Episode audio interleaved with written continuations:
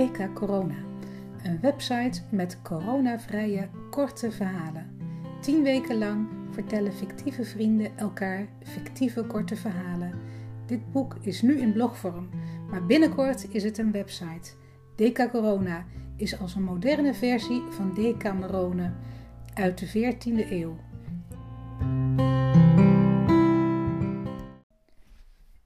In Decamerone verlaat een groep mensen Florence om tijdens de pestbokken de stad te ontwijken. Verhalend brengen ze tien dagen lang door ergens in de heuvels van Toscane. Met Deca Corona ontvluchten wij de ellende die het virus veroorzaakt. Een groep vrienden is elke namiddag online. Om de beurt vertelt een van de vrienden een verhaal.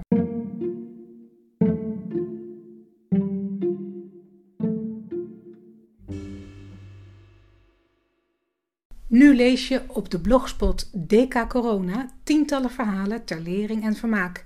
Binnenkort verschijnen deze verhalen op de website dkcorona.com. Later dit jaar is hier de podcast DK Corona te beluisteren met alle korte verhalen.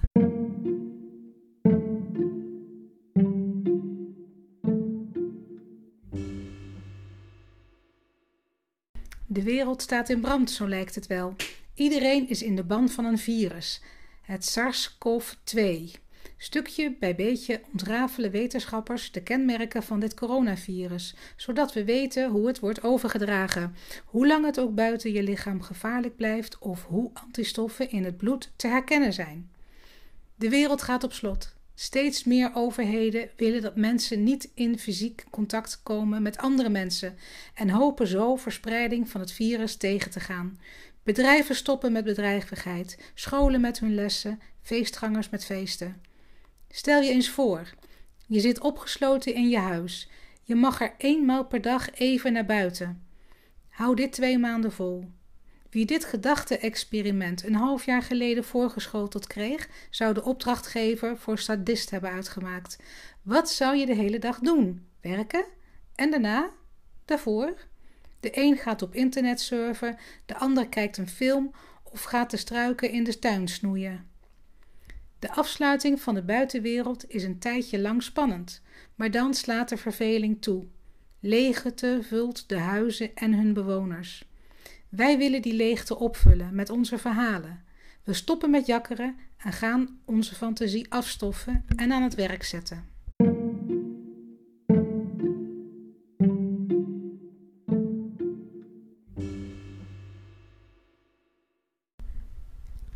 Ik ken een vriendengroep die zich op WhatsApp de Cultuurmuur noemt. Tien vrienden die elkaar al tientallen jaren kennen en inmiddels in alle windstreken van de wereld wonen.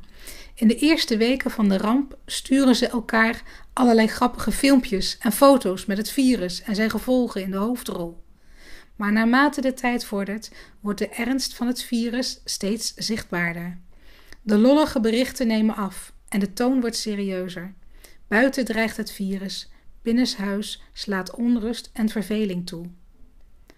Op een dag stelt Willem, een van die vrienden, voor om een dagboek naar analogie van Decamerone te maken.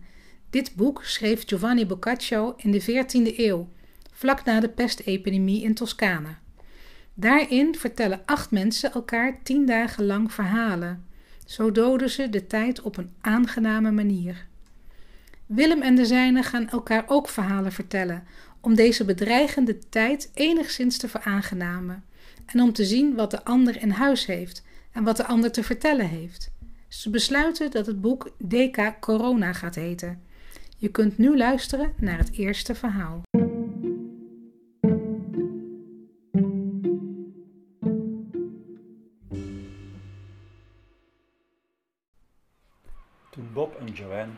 Vroege ochtend de haven van Liverpool verlieten met hun motorjacht Ocean Rambler, voelde het aan als een nieuw begin. De lucht was helderblauw, de opkomende zon wierp een oranje gloed over de vriendelijk kabbelende golven. Perfect weer voor hun laatste grote vaartocht. Na alles wat er gebeurd was, hadden ze immers besloten dat zij het jacht zouden verkopen en beide hadden ze al tijd vrijgemaakt om samen enkele maanden op wereldreis te gaan. Net als vroeger, erop uit met de rugzak en niet weten waar je s'avonds zult slapen. Joanne verlangde al zo lang terug naar die onbezorgde tijd en de vrijheid alle kanten op te reizen die je maar wilt. Nu de kinderen groot waren en al een tijdje het huis uit, was er buiten hun werk eigenlijk niets dat hen nog aan Engeland bond. Bob had zijn financieel adviesbureau verkocht en deed alleen nog wat advieswerk in de aandelenhandel voor grote klanten van hem, meestal ook goede vrienden. Jarenlang had hij 10 tot 12 uur per dag gewerkt, totdat het conflict met Joanne was losgebarsten. Het is waar, hij had zich misschien wel te veel op zijn werk gefocust en Joanne met de kinderen te vaak aan hun lot overgelaten. Jaar in jaar uit had Joanne haar eigen baan in het onderwijs moeten combineren met de zorg voor de kinderen, het huishouden, de au pairs en het onderhoud van hun grote landhuis met landschapstuin. Al vaker hadden ze geprobeerd, had zij geprobeerd daarover te praten met Bob. Maar die wuifde alles weg met de opmerking dat er toch iemand moest zijn die genoeg geld verdiende om hun luxe leventje te kunnen financieren. Langzaam waren hun levens uit elkaar gegroeid en beiden zochten naar vertier en avontuur om te ontspannen, ontsnappen aan het dagelijkse eentonige bestaan. Joanne vermoedde al langere tijd dat Bob er geheime relaties op nahield met rijke vrouwen uit zijn klantenbestand. Te vaak was hij s'avonds niet thuis gekomen, met smoesjes dat hij moest overwerken of nog moest gaan eten of borrelen met belangrijke zakenrelaties. Haar vermoedens kon ze echter niet hard maken en geleidelijk aan was ze eraan gewend geraakt en was haar eigen leventje gaan leiden. Met haar werk, de kinderen en, eerlijk is eerlijk, ook af en toe met een romantische escapade met een collega en zelfs een paar keer met de vaders van kinderen uit haar klas. Een van die vaders zag ze in het geheim al een paar jaar op de avond dat ze naar aerobics ging. Ze had zelfs al besproken dat ze hun toekomst alleen samen zagen, maar lopende zaken moesten eerst afgehandeld worden. Maar toen waren haar twee kinderen het huis uitgegaan. Haar werk kon haar niet meer echt boeien en haar geheime, geheime relatie gaf te kennen dat hij toch voor zijn eigen vrouw koos. Ze was 59 en had eigenlijk geen idee welke kant zij nu nog op wilde met haar leven. Ze was een depressie nabij. Vorige week, op een zaterdagavond, had ze in een radeloze bui Bob vrij plotseling alles verteld over haar gevoelens en haar geheime leven zonder hem. Hij reageerde furieus, gooide zijn whiskyglas kapot tegen de muur, knalde de deur dicht toen hij het huis uitliep. De tuin in. Nu moest de hele waarheid maar op tafel komen, dacht Joanne en ze liep hem achterna. Hoewel hij aanvankelijk weigerde te luisteren, probeerde zij voor hem te verklaren hoe dit allemaal zo had kunnen ontstaan. Hoe zij zich in de steek gelaten voelde door hem. Dat hij alleen maar oog voor zijn werk had en zich nooit eens met de opvoeding van de kinderen bemoeid had. Dat zij zich steeds meer was gaan ergeren aan de vanzelfsprekendheid waarmee hij dacht dat thuis alles wel op rolletjes liep. Op zijn beurt schreeuwde Bob dat hij het merendeel van het geld binnenbracht. Dankzij hem konden ze zich dit luxe leventje veroorloven en konden de kinderen naar die mooie privéschool. En hij had toch voor een au pair gezorgd toen zij weer eens een keer had verteld hoe zwaar het eigenlijk wel niet was voor haar. Hij had er dag en nacht voor gewerkt om hen dit mooie leventje te kunnen bieden. Joanne was nu zo verontwaardigd dat ze hem voor de voeten wierp, dat een vriendin van haar op een avond met Bob een chique, op een avond Bob met een chique dame uit het casino had zien komen, behoorlijk aangeschoten en verliefd naar elkaar kijkend. En dat dat vast niet de enige vrouw was waarmee hij de bed in was gedoken. Dat ze de afspraakjes met voor haar onbekende vrouwen in een telefoon had zien staan.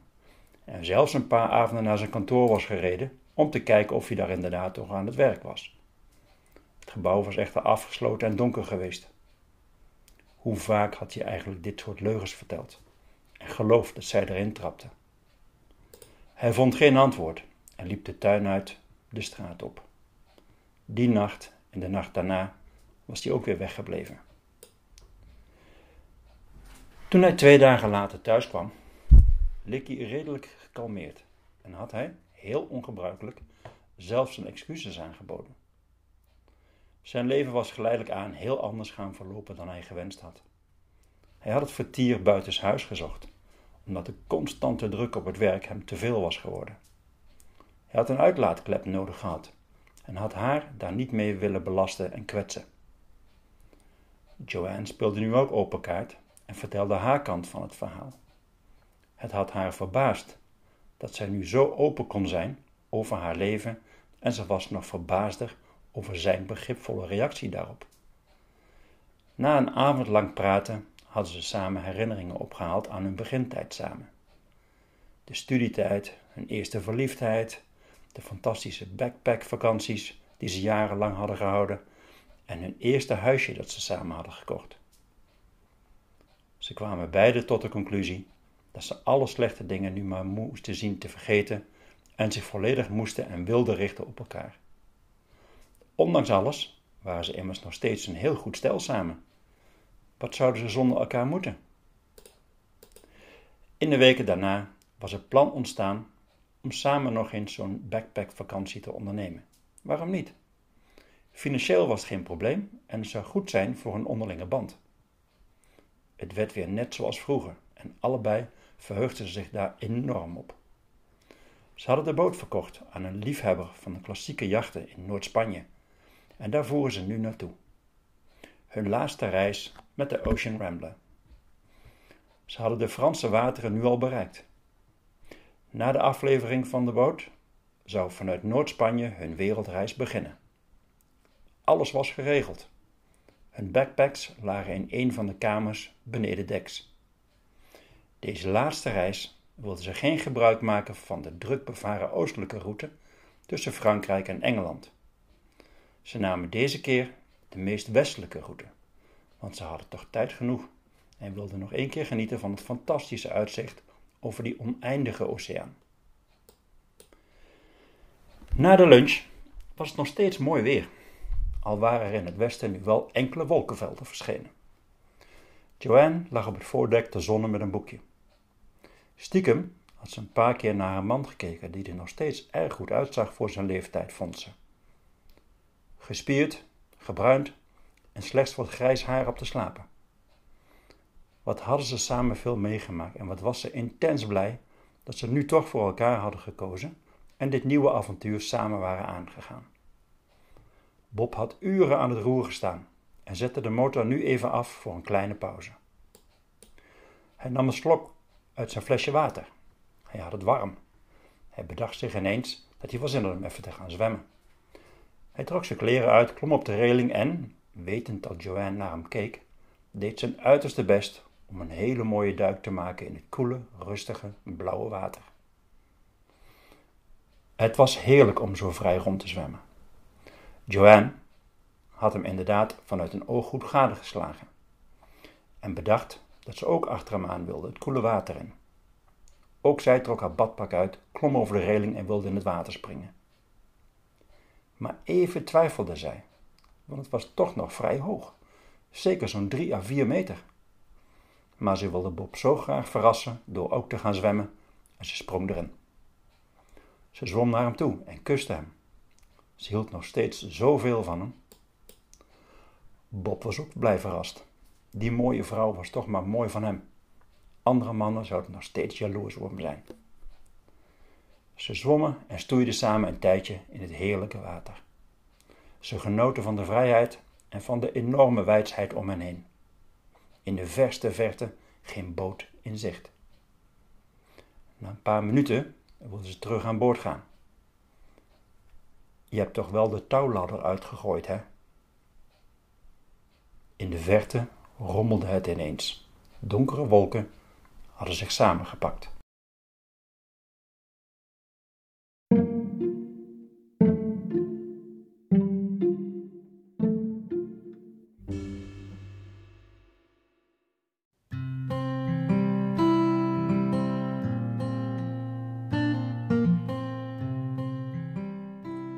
Dit was de start van de podcast DK Corona.